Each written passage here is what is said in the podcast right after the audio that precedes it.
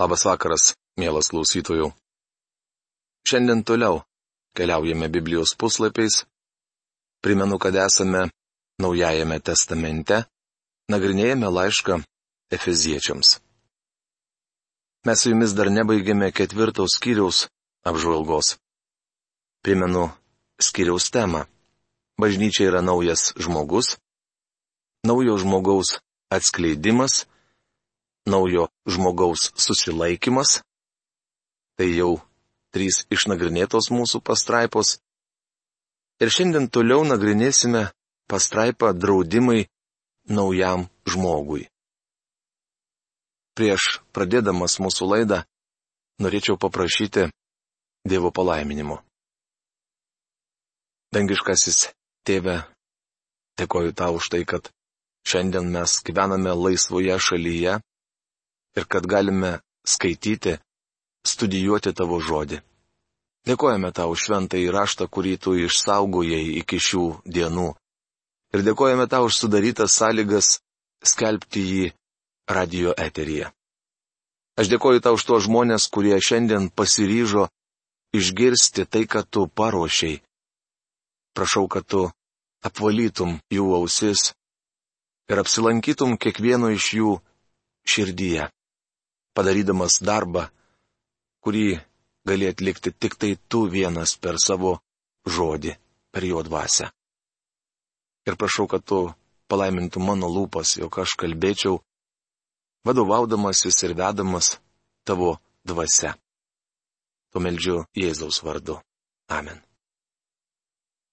Taigi, paskutinė pastraipa, kurią mes pradėjome nagrinėti praėjusioje laidoje, yra draudimai naujam žmogui. Dabar perskaitysiu mūsų jau išnagrinėtas eilutes ir mes pratesime apžvalgą. Taigi aš liepiu ir įspėju viešpatyje, kad jūs nebesielgtumėte, kaip elgesi pagonys dėl savo proto menkystės. Jų protavimas aptemęs, Jie svetimi Dievo gyvenimui dėl savo širdies užkėtėjimo. Jie surambėjo ir pasidavė jūslingumui, godžiai ieškodami visokių netirų pasitenkinimų. Bet jūs juk ne šito išmokote apie Kristų.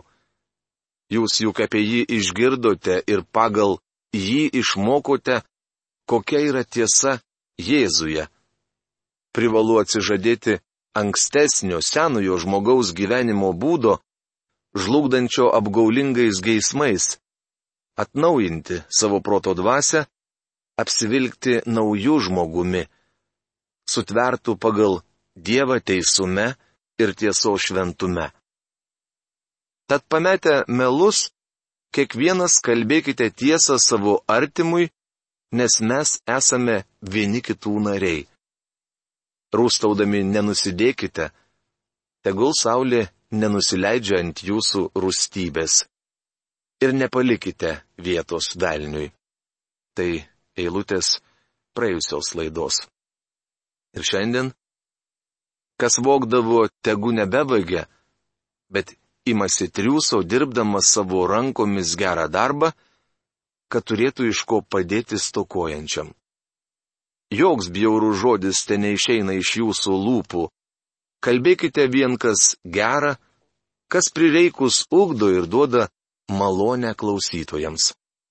Efeziečiams laiško ketvirtos kiriaus 28-29 eilutės. Kas vokdavo, tegu nebevagia. Nuodėmingoje žmogaus prigimtyje yra užkoduota ne tik polinkis meluoti, bet ir vokti. Vaikystėje buvau susidėjęs su bloga kompanija. Žinoma, tik aš vienas buvau geras. Arbūzų sezono metu mes vokdavome arbūzus. Ūkininkas būtų ir taip mums davęs vieną kitą. Bet nukniauktas vaisius daug gardesnis. Taip pat vokdavome iš sodų persikus ir obuolius. Žiemą pasivokdavome kiaušinių ir nusinešę prie senojo suopio užutekio juos išsikepdavome. Žodžiu, imdavome, kas pakliūdavo po ranka. Po atsivertimo aš vis dar jaučiau potraukį vokti. Siki važiavau aplankyti žmogaus, kuris turėjo sklypą prie kaimo vieškelio ir buvo visą jį apsudinęs arbūzais. Jaučiau tokią pagundą nugvelbti vieną arbūzą, kad net sustojau ir išlipau iš automobilio. Tuomet susimaščiau. Minutėlę. Juk aš po kelių minučių susitiksiu su tuo žmogumi. Jis mielai duos man vieną arbūzą. Nėra jokios prasmės tai daryti. Įsėdau atgal į automobilį ir nuvažiavau. Kai papasakojau šeimininkui, kas buvo nutikę, jis nusijokė ir pasakė, žinai, jei būtum įsliūkinęs į arbūzų daržą, tikriausiai būčiau tave pašovęs. Vagis dažnai švarina mano daržą, o arbūzai šiandien gana brangus. Mūsų širdys iš prigimties linkusios vokti. Paulius sako, kad mums daugiau nedėra vokti, net jei galvojame gali pateisinti savo poelgį. Bet imasi triūso, dirbdamas savo rankomis gerą darbą, kad turėtų iš ko padėti stokojančiam. Tikintysis neturėtų lopti, kad patenkintų savo egoistinius įgeidžius. Jei turite ką viršaus, padėkite kitiems. Šiandien daugelis puikių krikščioniškų tarnyščių merdėja, stokodamos finansų. Kodėl? Todėl, kad dažnas krikščionis kaupia turtus savo ir neaukoja, kaip turėtų aukoti. Bjaurų žodis. Tai nešvanki, supuvusi, dvokianti kalba. Nežabotas tikinčiojo liežuvis liudyja apie nedorą gyvenimą. Tikintieji pasakojantys neaiškės, abejotinas istorijas atskleidžia savo širdies nedorumą. Kaip sakoma, kas galvoje, tas ir ant liežuvio. Šį posakį reikėtų patikslinti, kas širdyje, tas ir ant liežuvio. Tikinčiojo kalba turėtų mokyti ir drąsinti kitus tikinčiuosius. Jūs galite linksmintis ir mėgautis gyvenimu. Humoras nėra tabu. Tačiau jis neturėtų būti nešvankus. Ir neliūdinkite šventosios Dievo dvasios, kurią esate paženklinti atpirkimo dienai. Efeziečiams laiško ketvirtos kiriaus 30 eilutė neliudinkite šventosios Dievo dvasios. Šventoji dvasia yra asmuo, kurį galima nuliūdinti. Kas ją liūdina? Išvardyti nusižengimai. Krikščionio melas liūdina šventąją dvasę. Ji nuliūsta ir tuo met, kai krikščionio galvoje ima suktis bjaurios mintys. Kas nutinka, kai asmuo nuliūdinamas? bendrystė su juo nutrūksta. Jei jūs liūdinate šventąją dvasę ir jūsų bendrystė su ją nutrūkusi, šventoji dvasia negali darbuotis jūsų gyvenime. Kuria esate paženklinti. Tai reiškia, kad nors mes galime nuliūdinti šventąją dvasę, niekada nenuliūdinsime jos tiek, kad ji mus apleistų nes mes esame ją užanspauduoti. Kaip tai nuostabu. Jūs buvote užanspauduota šventąją dvasę atgimdymo akimirką. Atpirkimo dienai.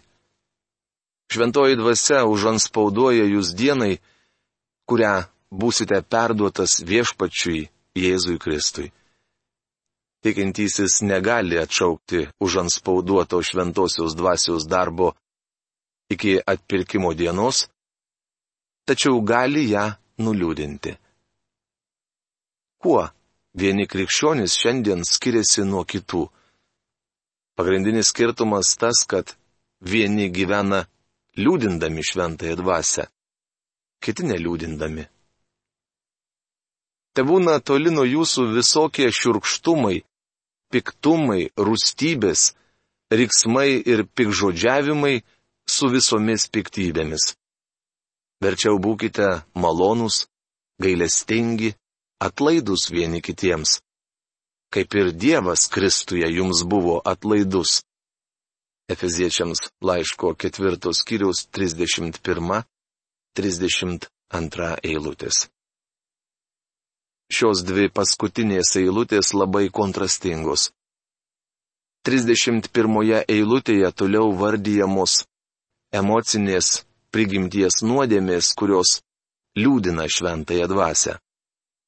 O štai 32 eilutėje paminėtos emocinės reakcijos, kurias Dievas nori išugdyti mumise. Širkštumai arba kartybė, kartėlis - tai susierzinimo būsena, skatinanti blogai galvoti apie kitus. Siki kažkas priejo prie manęs ir pasakė, ką mano apie kitą krikščionį. Mūsų pašnekėsi girdėjęs trečias krikščionis vėliau man paaiškino. Daktarė Magi, neimkite per daug į galvą to, ką jis sakė. Ta žmogus apkartęs. Daugelis lėja tulžia ant kitų ir tai skaudu. Kartėlis liūdina šventąją dvasę. Piktumai, rūstybės yra pykčio protrūkiai. Vyskupas Mule rašo, piktumas yra ūmus pykčio protrūkis, o rūstybė - chroniškas. Riksmai - tai įžulus savo įsivaizduojamų teisių gynimas ir skriaudos išsakymas. Bažnyčiose yra žmonių, kurie galvoja, kad pastorius nekreipia juos dėmesio, jei nepaspaudžia jiems rankos. Manydami, jog yra ignoruojami, jie būna apkarsta ir ima protestuoti. Tačiau kas pasakė, kad pastorius turi spausti rankas visiems iš eilės vien dėl to, kad ko nors neižeistų. Toks nusistatymas liūdina šventąją dvasę pikžodžiavimai dar reiškia šmeištą bei liežuvavimą. Piktybė, kaip jau minėjome, yra įsisenėjusi neapykanta.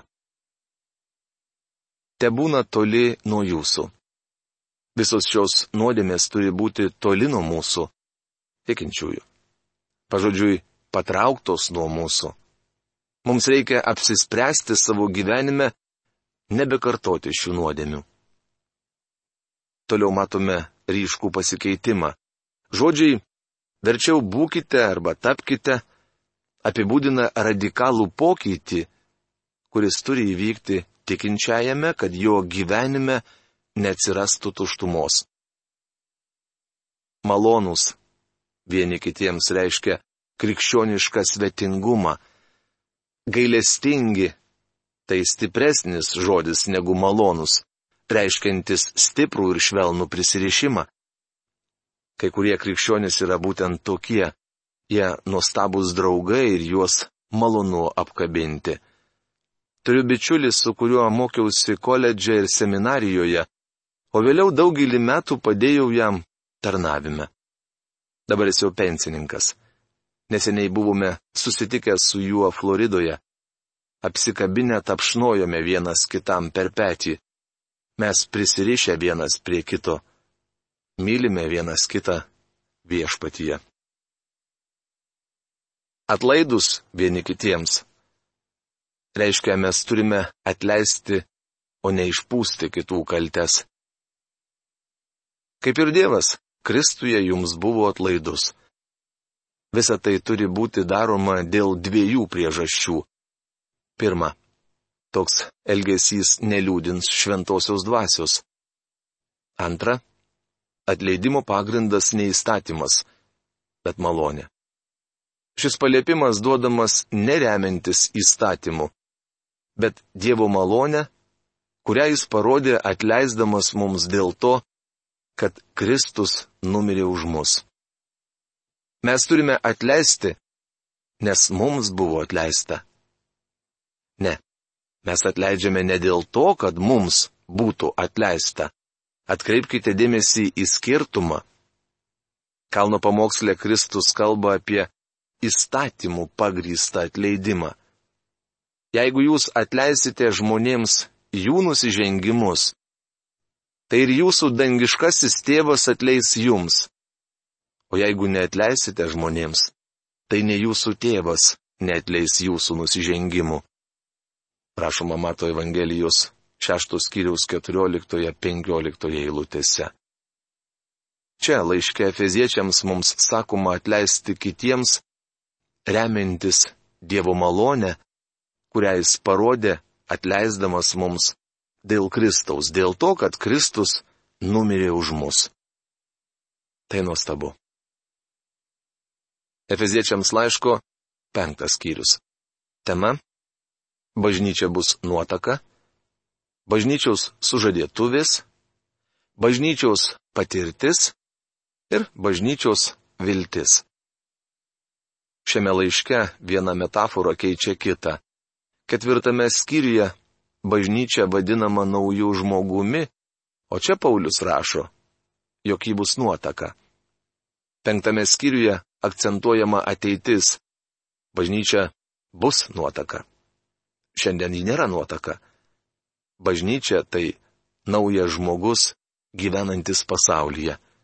Ji sužieduota su Kristumi, bet dar už jo neištekėjusi. Vestuvės dar neįvyko. Bažnyčia taps Kristaus nuotaka po to, kai bus paimta iš šios žemės. Ir aš išvydau šventą į miestą, naująją Jeruzalę, nužengiančią iš dangaus nuo Dievo. Ji buvo išpuošta kaip nuotaka savo sužadėtiniui.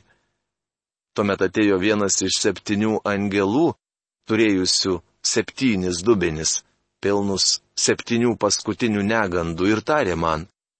Eikš, parodysiu tau jaunąją avinėlio sužadėtinę. Rašoma prieškimo knygos 21 skyriaus antroje ir devintoje eilutėse. Šioje žemėje mes turime gyventi kaip busimoji nuotaka. Esame sužieduoti su Kristumi. Paulius rašė korintiečiams, mat aš jūs sužiedavau su vienu vyru, su Kristumi, ir turiu pas jį nuvesti jūs kaip skaiščią mergelę. Rašoma antrame laiške korintiečiams 11 skyriuje, antroje eilutėje. Susižadėjusi mergina besiruošianti vestuvėms neturi laiko savo ankstesniems gerbėjams. Ji neina vieną vakarą susitikti su Tomu, kitas su Romu, o trečias su Adomu. Ji susižadėjusi ir daugiau nebesidomi jokiais kitais vaikinais. Tad ar mes, sužieduoti su Kristumi, galime gyventi, kaip gyvena pasaulis? Vieną dieną mes būsime atvesti pas Kristų, gyvensime su juo visam žinybę. Jis bus mūsų viešpats ir šeimininkas. Bažnyčios sužadėtuvės. Būkite Dievo sėkėjai kaip jo mylimi vaikai ir gyvenkite meilę, kaip ir Kristus pamilo jūs ir atidavė už mus save kaip atnašą ir kvapę auką Dievui. Efeziečiams laiško penktos kiriaus pirma, antra eilutės. Dalelytė taigi, praleista Lietuvos Biblijos draugijos vertime, sujungia šią šventojo rašto atkarpą su anksčiau skaitytaja, kurioje buvo kalbama apie tikinčiojo gyvenimą ir rodo, jog mes toliau skaitysime su krikščioniška elgsena susijusius paliepimus. Šie paliepimai turi ypatingą reikšmę bažnyčiai, kuri bus perduota Kristui be raukšlės ir dėmės.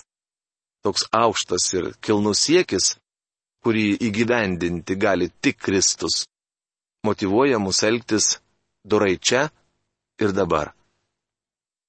Mes jau sužinojome, kad šventoji dvasia apsigyvena kiekviename tikinčiajame ir jį užanspauduoja.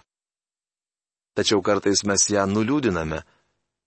Jei darome nuodėmės, paminėtas ketvirtos skyriaus 31 eilutėje, liūdiname šventąją dvasę. Bet tai nereiškia, kad nustojame būti Dievo vaikai. Žinoma, pražuvęs pasaulis netiki, kad esame Dievo vaikai. Tačiau mes esame paženklinti Dievo dvasia atpirkimo dienai. Tai dienai, kuomet Dievo dvasia perduos bažnyčią viešpačiu Jėzui. Šis siekis turėtų mus skatinti elgtis dorai. Tikinčiajam reikia sekti Dievo pavyzdžių, ypač mokantis atleisti. Žinoma, tai taikytina visiems krikščioniškos elgsenos aspektams. Pagonis anksčiau gyvenę niekingai pakeliami į aukštą meilės lygį. Dabar jie vadinami mylimais vaikais. Tas aukščiausias meilės lygis yra Kristaus parodyta meilė. Jis pamilo mus taip, kad pasiaukojo, atidavė save už mus ir atidavė už mus save kaip atnašą ir kvapę auką Dievui. Čia labai aiškiai užsimenama apie kryžių.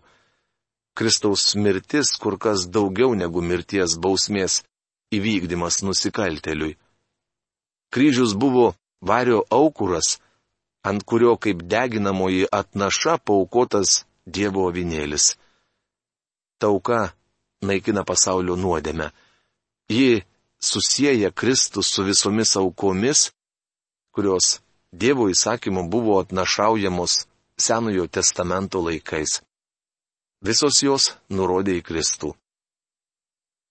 Dėl šios pavaduojančios Kristaus mirties ant kryžiaus už mus, krikščionis, turime siekti didingų meilės aukštumų. Tikintysis negali gyventi su nuliūdinta šventaja dvasia nes tik dvasia jo gyvenime pajėgi subrandinti meilės vaisių. Prisiminkite, kad laiško Galatams 5 skyriaus 22 eilutėje, vardijant dvasios vaisius, pirmoji paminėta meilė. Būtinai pasižiūrėkite į Efeziečiams laiško penktą skyrių. Pasiskaitykite apie dvasios vaisius ir apie kūno darbus. Pasižiūrėkite Dievo žodžio šviesoje į savo širdis. Kuriai kategorijai žmonių jūs asmeniškai priklausote? Kiekvienas pasižiūrėkite į save kritiškai. Tik tai tuo met, kada jūs kritiškai pažvelgsite į save Dievo dvasia, galės parodyti jums tikrąją padėtį. Ir žinoma, jeigu šauksitės jo, išgelbės jūs. Mielas klausytojų, šios dienos laidos laikas baigėsi. Susitiksime kitoje mūsų laidoje. Iki malonaus susitikimo. Sudė.